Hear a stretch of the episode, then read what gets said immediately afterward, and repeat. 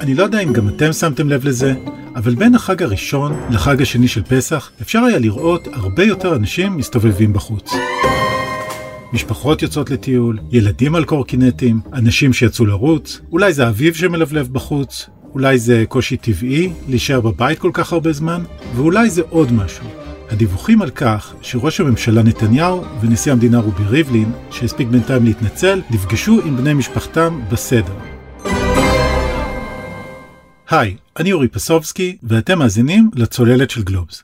עד כמה ההתנהגות של המנהיגים שלנו משפיעה על הציבור? האם כל הדיבורים על אסטרטגיית יציאה בעצמם גרמו לאנשים לצאת מהבית? ואיך אנחנו ממשיכים מכאן וחוזרים לשגרה כלשהי? אלה רק חלק מהשאלות שרצינו להעלות היום בשיחה עם פרופסור טל שביט. פרופסור טל שביט, מומחה לכלכלה התנהגותית ולכלכלת עושר במכללה למינהל. הכלכלה ההתנהגותית, אומר שביט, יכולה לתת לנו תובנות איך לנהל טוב יותר את ההתמודדות עם מגפת הקורונה. ויש לו הצעות. דיברנו גם על העושר שלנו, כמה הוא חשוב לכלכלה, ואיך אפשר לדאוג לרווחה הנפשית של הציבור. למשל, אולי כדאי בכל זאת כן לתת לאנשים לעשות ספורט. אבל לפני כל זה, התחלנו בצמרת הישראלית ובמסרים שהיא משדרת לאזרחי המדינה. ליצמן נכנס לאולפן טלוויזיה, אחרי שסירב לעבור בדיקה למדידת חום. נתניהו העלה תמונה שלו מערב החג הראשון, סועד עם בנו אבנר ליד שולחן הפסח, וגם נשיא המדינה אירח את בתו ונכדיו לערב החג הראשון. בערב החג השני הוא כבר התנצל וחגג כמו רובנו בזום המשפחתי. איזה אימפקט עשו כל הדברים האלה על הציבור? מן הסתם כשאתה רואה אישיות בכירה או בכירה מאוד, שמפרה את ההוראות וההנחיות, אז אתה אומר לעצמך בעצם, אם, אם הם יכולים, אז אני קטונתי. זאת אומרת, יש פה איזשהו עניין של דוגמה אישית, אבל מעבר לזה, אני חושב שאנחנו מגלים לאורך המשבר הזה, יש לנו בעיית מנהיגות אה, לא פשוטה. בעיית המנהיגות היא בכל הרבדים, מהפוליטיקאים שרבים אחד עם השני עדיין, ולצערי גם אה, בין הפקידים שבמשרד הבריאות רבים אחד עם השני, עד כדי אמרות שאני מוכרח להגיד, אני מזועזע פשוט. כן. שבמצב כזה אה, אומרים דברים כאלה אחד לשני, אני חושב שכולם שמעו וראו במשרד הבריאות את הריבים שיש שם, אני חושב שאנחנו כאזרחים שבתקופה כזו של חרדות ושל uh, הרבה כעס והרבה חשש מהעתיד הקרוב והרחוק יותר, באופן הטבעי אנחנו מחפשים איזה עורק כזה שיעטוף אותנו, מישהו שיגן עלינו. במצב כזה אזרחים בדרך כלל מסתכלים על המנהיגים שלהם, ורואים בהם סוג של הורים שאמורים לדאוג להם. ואני חושב שהרבה אנשים היום בציבור מרגישים קצת יתומים. וזו תחושה נוראית, כי אתה נמצא באי ודאות, שזה דבר שאנחנו כבני אדם, קשה לנו מאוד להתמודד איתו. אחד הדברים בכלכלה התנהגותית שאנחנו חוקרים, הוא איך אנשים מתמודדים עם סיכונים ואי ודאות, ואנחנו יודעים שיש בזה קושי רב מאוד. יש פה חרדות שהן לא רק כלכליות, יש פה חרדות גם uh, בריאותיות, וזו העת שאתה צריך מנהיג או קבוצה של מנהיגים שייתנו לך תחושה שאתה לא יתום. ואני מוכרח להגיד לך שאני מרגיש קצת יתום בשבוע, שבועיים האחרונים. אנחנו מדברים על אסטרטגיות יציאה וכל הדברים האלה, אני חושב שאנחנו לא בשלים לזה מהרבה סיבות, אבל סיבה אחת שאין לנו מנהיגות, שאנחנו יכולים להסתכל עליה ולקחת ממנה דוגמה. ואני חושב שאתה רואה שילוב של uh, הפרה של הנחיות על ידי המנהיגים. מצד שני שהם רבים אחד עם השני, מצד שלישי שאין ממשלת אחדות. זה, זה כאילו הזוי, אני כבר שמעתי אה, עיתונאים שמדברים על אה, תאריך הבחירות הבא. אני כאילו שואל את עצמי, מישהו השתגע? כאילו, יש פה מישהו אחד נורמלי? מישהו אחד שלוקח אחריות על כל הסיפור הזה? אני לא מרגיש שיש דבר כזה. ואתה גם רואה בהתנהלות היומיומית של אה, אחד אומר ככה, אחד אומר ההפך, המספרים כאלה, פתאום אומרים שטעו, יש תחושה של כאוס. וזו תחושה שאסור שתהיה במצב כזה שבו אנחנו נמצאים. אם לשחק שנייה, אתה יודע, לקחת את הצד שמגן על אה, ההתנהלות, אתה יודע, יש את המטאפורה של מלחמה שבעיניי היא מוצדקת במידה מסוימת, אתה יודע, אנחנו נמצאים במלחמה מסוג אחר, ובמלחמה יש ערפל מסוים, זה חלק מהעניין. נכון, אבל תראה, לפחות אני כאזרח שומע כל השנים שכולם כל הזמן מתכוננים. מתכוננים לאיזושהי מערכה מאוד גדולה, מתכוננים ללוחמה ביולוגית, מתכוננים למגפות, מתכוננים לרעידות אדמה, כולם מתכוננים. אז אני שואל את עצמי, אם התכוננתם כל כך הרבה, אז איפה התוצאות? התחושה הזאת שיש לנו, הנפשית, ההתנהגותית, היא לא רק תחושה שאנחנו יתומים כרגע, אלא תחושה שכל השנים די עבדו עלינו. זאת אומרת, עם כל הכספים והמשאבים שהשקעתם בכל המערכות האלה, אתה מצפה שיגיעו למלחמה מוכנים, והתחושה היא שלא כל כך מוכנים, כי מאלתרים. מה שאני רוצה להגיד משהו על הישראליות. הישראליות מתאפיינת באלתורים. זה לא דבר רע אגב, כן? זה אומר שאנחנו עם מאוד יצירתי, זה אומר שאנחנו יודעים בעלויות נמוכות להגיע להישגים מאוד גבוהים. זה עבד לנו לא רע עד היום. אני חושב שזו פעם ראשונה שאנחנו נתקלים באויב, אני אומר במרכאות, זה אויב, שהוא בעצם הטבע, שאנחנו לא בדיוק יודעים מה לעשות, לא בדיוק יודעים איך להתנהל, זה לא אויב שאנחנו מכירים.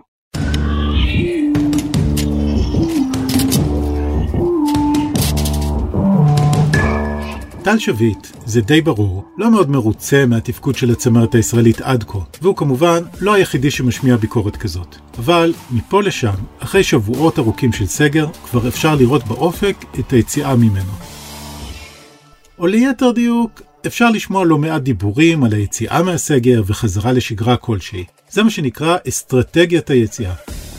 ובשבועיים האחרונים נחשפנו ללא מעט מומחים ולא מעט מסמכים שכל אחד מהם מציג אסטרטגיית יציאה קצת שונה. לכל אחד יש הצעה. שאלתי את טל אם כל הדיבורים האלה על היום שאחרי בעצמם משפיעים על ההתנהגות שלנו. כן, בוודאי. תראה, יש אפקט שנקרא בפסיכולוגיה או בכלכלה התנהגותית אפקט הציפייה. האפקט הזה בעצם מסביר שכשאנחנו מצפים למשהו, עוד לפני שהוא קורה, אנחנו מתחילים להתנהג כאילו אנחנו שם. אתן לך דוגמה פשוטה מהחיים, אתה צריך נגיד בעוד שבוע לנסוע לחו"ל, מה שלא יקרה כנראה בשנה הקרובה, אבל בוא נגיד. אתה כבר לפני זה מתחיל להרגיש ככה נעים ככה, אתה יודע, אני נוסע לחו"ל, אתה מתחיל לארוז מזוודה, זאת אומרת, בהתנהגות שלך, אתה לא עושה איזה cut כשאתה טס לחו"ל, אלא זה בא באיזושהי נקודה, אתה יודע, שאתה מתחיל לעלות לאט לאט, עד לאופוריה שאתה מגיע אליה כשאתה בדיוק. כל הדיבור הזה מסביב גורם לאדם הפשוט להסתכל על הדברים ולהגיד, רגע, הם מדברים על יציאה, הם מדברים על חזרה לשגרה, גם שהיא תהיה שגרה אחרת, אבל סוג של שגרה. זה אומר שכנראה המצב טוב. אז אם המצב טוב, אז זה בסדר שאני אצא מהבית. זה בסדר שאני אלך לרוץ, זה בסדר שאני אלך לחוף הים, וזה בסדר שאני אלך לבקר את ההורים שלי, כנראה המצב טוב, הם מדברים על יציאה.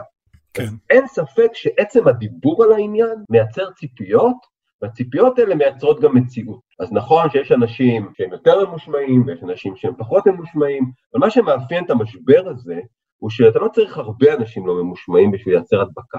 אתה צריך מספר לא גדול, ולכן השיח כרגע לדעתי יכול ליצור נזק ואפילו למנוע את היציאה. זאת אומרת, יש פה איזשהו פרדוקס, מדברים על זה יותר מדי, כן. אנשים מתנהגים בצורה לא ממושמעת יותר מדי מהר, וזה דווקא ימנע את ההתחלה אולי של היציאה מהסיפור. בסופו של דבר, די ברור שמה שיכריע בהחלטה על היציאה מהסגר הוא שיקולי הבריאות. כמה חולים יש, כמה בתי החולים עמוסים, האם יש לנו יכולת לבצע מספיק בדיקות, אבל בכל זאת, אני שואל את טל, מה לגבי תחום המומחיות שלו, הכלכלה ההתנהגותית? האם מבחינת התנהגות הציבור אנחנו מוכנים ליציאה? לדעתי לא. למה? כי יש פה כמה דברים שקורים במקביל. כל הזמן סיפרו לנו המומחים מהתחום שאסטרטגיית היציאה היא לפי קצב הכניסה. זאת אומרת, מי שנכנס ראשון לבידוד או לסגר, הוא גם יצא אחרון. ההיגיון הוא כי פשוט uh, סוגרים קודם כל את מוקדי ההדבקה הגדולים. עכשיו פתאום מישהו בא ואומר לא, אנחנו לא נצא באותו קצב שנכנסנו או באותם שלבים. אנחנו מהר נפעיל את מערכת החינוך, כי יש לנו איזשהו לחץ של הורים, שאני מבין אותו לגמרי, גם לי יש ילדים קטנים, של לצאת לעבודה. נפעיל חלקית לפחות, אה, נתחיל עם הגנים או משהו כזה. נכון, אבל אני רוצה להסביר שנייה משהו, ופה אני נכנס לעניין ההתנהגותי. הילדים בגנים ובבתי ספר נכנסו מאוד מהר להסגר. זאת אומרת שהם לא כל כך למדו או הסתגלו או התכוננו לשגרה חדשה של חיים תחת הקורונה. הם היו קצת בבית ספר שהיה קורונה, קצת אמרו לחטא את הידיים, הם לא באו עם מסכות, הם לא למדו בצורה מרוחקת אחד מהשני או בכיתות קטנות, הם לא יודעים להתנהג בבית ספר תחת הקורונה. אנחנו, אולי חלקנו שעובדים, או חלקנו שעבדו עד הרגע האחרון, כן חווינו את הסיטואציה הזו של לעבוד תחת הקורונה. אז הגענו לעבודה אולי באופן חלקי, עבדנו מהבית, באנו עם מסכות, באנו עם כפפות, שטפנו ידיים כל הזמן, איכשהו התאמנו על רטוב. הילדים לא. כשהחזירו את הילדים למערכת החינוך, הם לא קיבלו שום הכנה, וזה מאוד מסוכן, כי ברגע שהילדים הגיעו לבתי הספר ולגנים, ויצאו להדביק אחד את השני, ויגיעו הביתה וידביקו את ההורים, אנחנו נאבד שליטה. ולכן היציאה הזאת של קודם הילדים היא ברורה כלכלית, היא לא ברורה לי מבחינת התהליך הנכון של יציאה שמשרד הבריאות בעצם מורה עליו. עכשיו כלכלית זה חלק מחוסר ההכנה שלנו למשבר כזה. יש בעיה, ויש בעיה קשה להורים עם ילדים עד כיתה ג' נגיד, עד גיל תשע. אז אפשר למצוא פתרונות יצירתיים. אנחנו עם כל כך יצירתי, באמת, אחד העמים הכי יצירתיים בעולם. יש מדדים הרי לזה, פטנטים לנפש. איך יכול להיות שאנחנו לא מצליחים למצוא פתרונות יצירתיים למצב הכלכלי הזה? למשל, יש שני הורים לילדים עד גיל תשע, הם צריכים לצאת לעבודה. תנחה המדינה את מקומות העבודה, שכשיש ילדים עד גיל תשע, מותר לאבא לעבוד, נגיד, עד שלוש, והאימא תלך לעבוד מארבע עד עשר בלילה, לתקופה כתובה של חודש, חודשיים, עד שהמצב יתבהר. זה לא יהיה אסון גדול, כולם יוכלו לעבוד, ואנחנו לא נסכן את הילדים שלנו ואת עצמנו. ויש עוד כשל אחד שאפשר לדבר עליו. עד היום, אנחנו חודש בתוך המשבר הזה, הילדים כבר מעל חודש בבית. מערכת החינוך עוד לא נכנסה לקצב של למידה מהבית. אין שיעורים בזום, אין מערכת שעות קבועה כל השבוע. אולי באופן חלקי ואולי בחלק מבתי הספר. מישהו צריך גם לדאוג לזה. כן. ולהתחיל להפעיל את המערכות האלה, שהם אגב התכוננו לזה הכי הרבה, כי התרגילים בבתי הספר של למידה מרחוק הם כבר שנים. אני יודע שזה אנקדוטלי לחלוטין אבל uh, אני רואה עם הילדים שלי שנכון שהלמידה לא הייתה מאוד מאורגנת uh, וכולי אבל הם הפיקו מזה המון וזה היווה עוגן uh, מאוד מרכזי כל עוד הלימודים נמשכו. אני רוצה להסביר משהו בנושא הזה של העוגן וזה גם משהו מאוד התנהגותי. ילדים צריכים לו"ז קבוע. הם לא יכולים לקבל מטלות שיפתרו בבית ושההורים יעזרו. זה לא עובד. זה לא עובד פדגוגית וזה גם לא עובד מבחינה התנהגותית. Mm-hmm. ילד צריך לדעת שהוא קם בבוקר, בשמונה וחצי, ובתשע עד 11 יש לו שיעור עם המורה, וזה צריך להיות כל יום. הוא צריך לקבל מטלות, ולמחרת להציג אותם למורה. Mm-hmm. כל הסיפור של לתת תרגילים ולשלוח אותם במייל למורה, זו לא הדרך. לא הדרך הפדגוגית ולא הדרך ההתנהגותית. ואם הייתה מערכת מסודרת, מערכת שעות מסודרת, והיית אומר, אוקיי, הילדים הקטנים נכנסים ולומדים עד אחת בצהריים, הגדולים ייכנסו וילמדו משתיים עד שש, והתיכוניסטים ילמדו גם בערב, לא יקרה שום דבר אם זה יקרה חודש-חודשיים. אבל היה לו"ז קבוע, מיום ראשון עד יום חמישי, אני אומר לך שמצבנו היה שונה גם אצל הילדים וגם אצל ההורים, וזה לא קורה. כן. אגב, באקדמיה זה כן קורה. ברוב המקומות יש למידה סינכרונית, ואנשים באים לשיעורים כאילו הגיעו לכיתה. הריח של האביב בחוץ, מזג האוויר המתחמם, עצביהם הרופפים של ההורים, וכמובן, הלחצים הכלכליים, הכל מבהיר לנו שהתרופפות המשמעת היא רק עניין של זמן. אבל איך דואגים שהיא תישאר מספיק אדוקה גם אחרי ההתרופפות כדי למנוע גל הידבקות שני? לטל יש תשובות. איך עושים את זה? יש הרבה דרכים. אחד, צריך להשקיע הרבה יותר ממה שעשו עד רגע זה בעיצוב התנהגות של הציבור, ויש הרבה אמצעים, משימוש ברשתות החברתיות, מאמצעים פיזיים, יש תחום שלם שנקרא נאג'ים, שבהם אנחנו יודעים לגרום לאנשים להתנהג בצורה מסוימת. למשל, אני הצעתי שבכל בניין מגורים תהיה בכניסה עמדה של אה, חיטוי ידיים. זה לא רק עניין פיזי, זאת אומרת בוא נחטא את הידיים, זה עניין פסיכולוגי. יש למשל נושא של אה, קניות. אתה לא הולך לסופר כל יום, כי אתה צריך לקנות אה, חומרי ניקוי או פסטות. אתה הולך בדרך כלל לקניות, אתה צריך חלב, ביצים, גבינות, כל הדברים שצריך לחדש את המלאי שלהם כל הזמן. אז למה לא להגיד עכשיו, הרי בכל עיר יש המון פיצוציות, כל פיצוצייה תהיה פתוחה עד הלילה, והיא תמכור עשרה מוצרי יסוד, חלב, גבינות, קוטג', ביצים, כל הדברים שאנשים לא יצטרכו ללכת בשבילם לסופר, אלא יעברו בפיצוצייה, יקנו וילכו. מין תחנות ממכר למוצרי יסוד. ושהסופרים יהיו פתוחים 24 שעות. זה יאפשר לנו לחלק את העומס על המקומות האלה בין כולם ולמנוע את ההדבקות. ויש עוד המון דוגמאות של דברים שצריך לעשות. אגב, האכיפה לא מספקת. ומה עם המסכות? או, דווקא כאן טל שביט לא ממהר לאמץ את הקו הרשמי. הוא חושב שהמסכות עלולות דווקא לסכן אותנו, בהפוך על הפוך. הן עלולות לנצוח בנו תחושת ביטחון מוגזמת, שתגרום לנו להפסיק להקפיד על כללי התנהגות והיגיינה אחרים. וחוץ מזה, הוא מזכיר שמאחורי הפינה כבר מסתתר החמסין הראשון, ובחודשי הקיץ החמים יהיה קשה מאוד להסתובב עם מסכות למשך הרבה זמן. אבל, בכל מקרה, הוא אומר, אם כבר מנחים אנשים ללבוש מסכות, צריך לאכוף את זה, כולל קנסות.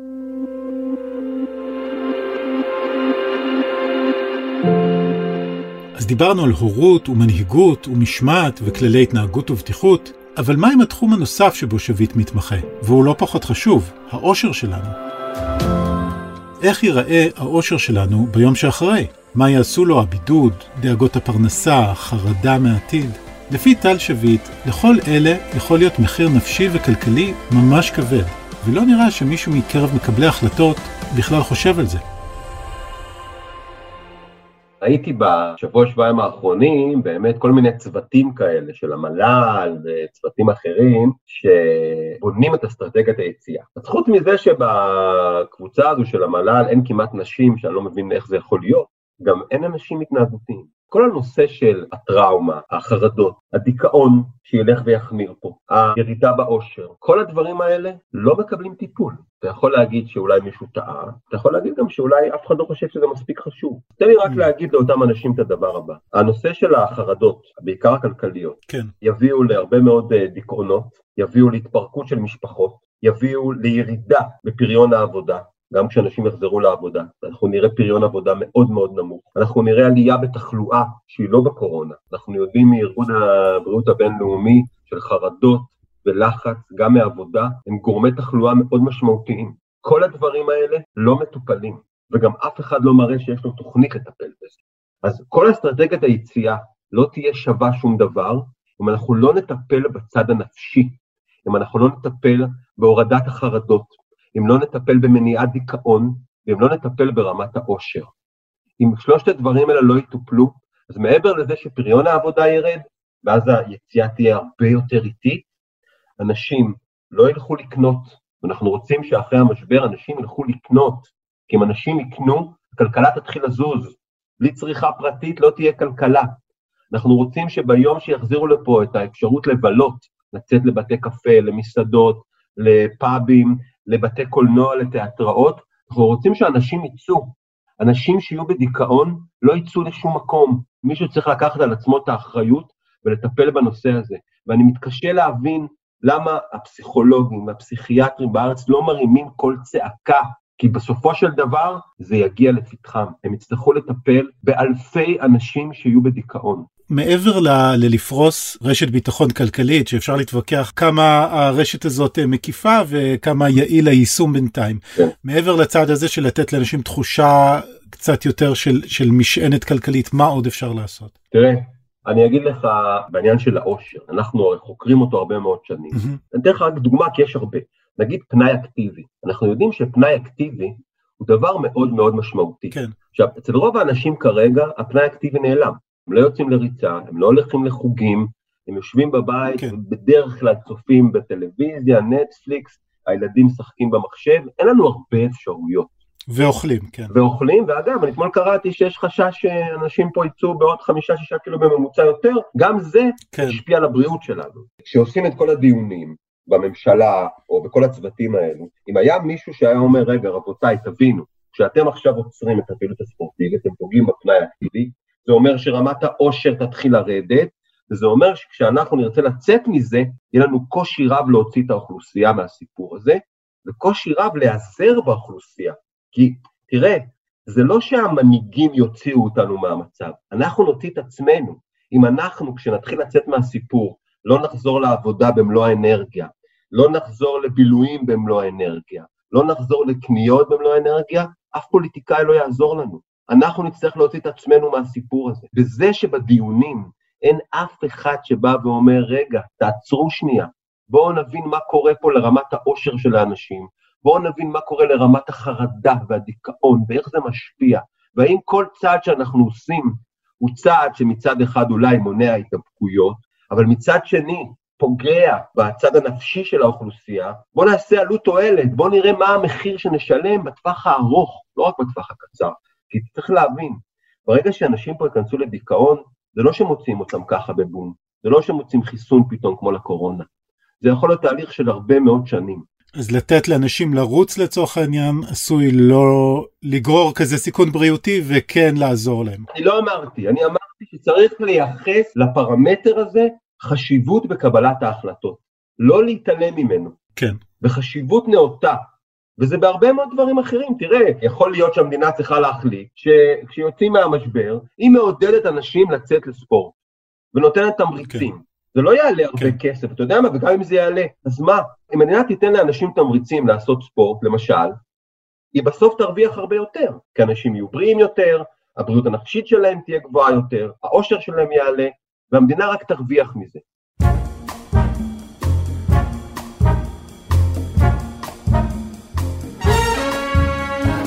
אני רוצה לשאול אותך שאלה אחרונה לסיום. אתה יודע, כשמדברים על אסטרטגיית יציאה, לפעמים זה נשמע כאילו הולכים לחזור לשגרה.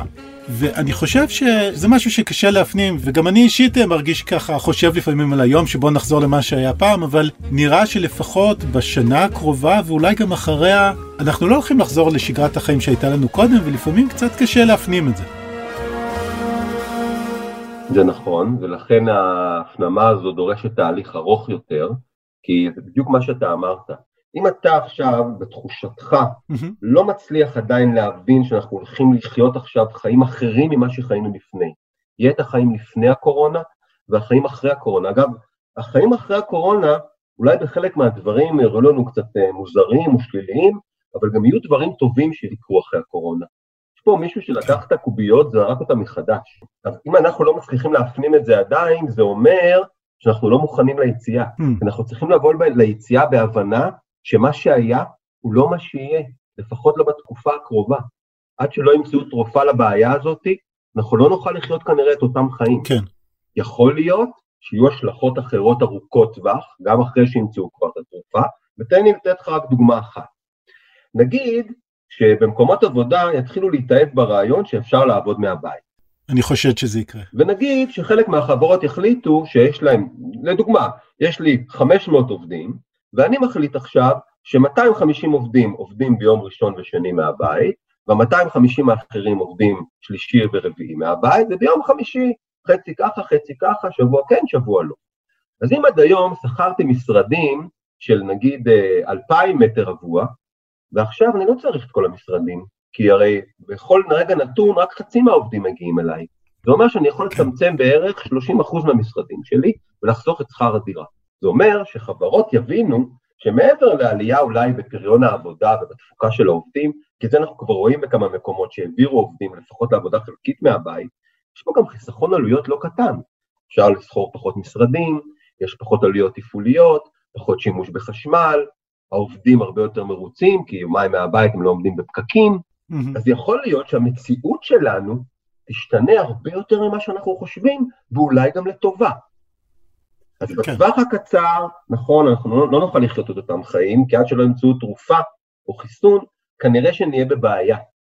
אבל ברגע שימצאו חיסון, אני חושב שההשלכות של המשבר הזה יהיו ארוכות טווח לכלכלה שלנו, לשוק העבודה, לאופן שבו אנחנו עובדים, ואתה יודע מה, אפילו לחלק מהמקצועות שאנחנו מכירים היום, שיעלמו ומקצועות חדשים שיצוצו פתאום.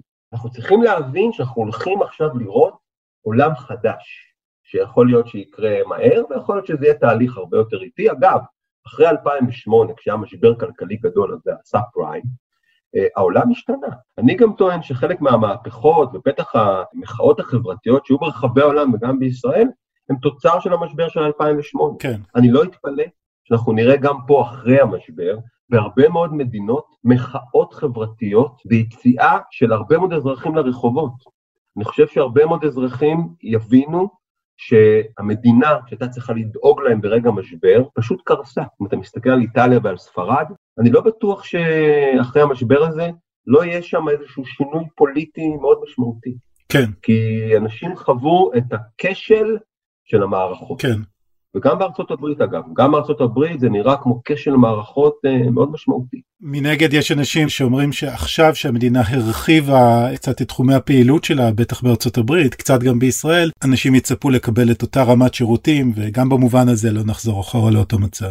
זה גם נכון, וזה אומר שיכול להיות שהמדינות שיבינו, יצטרכו להתחיל להשקיע עכשיו המון המון כסף בתשתיות הבריאות שלהם, וכנראה גם לא מעט כסף בתשתיות החינוך שלהם, ולהתאים אותם לעולם החדש. השאלה רק על חשבון מה זה יבוא. כן. וזה יבוא על חשבון משהו.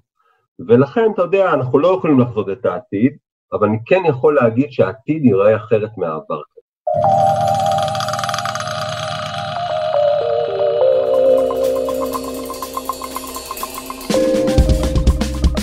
עד כאן עוד פרק של הצוללת. מוזמנות ומוזמנים לעקוב אחרינו באתר גלובס, בספוטיפיי או באפליקציית הפודקאסטים האהובה עליכם.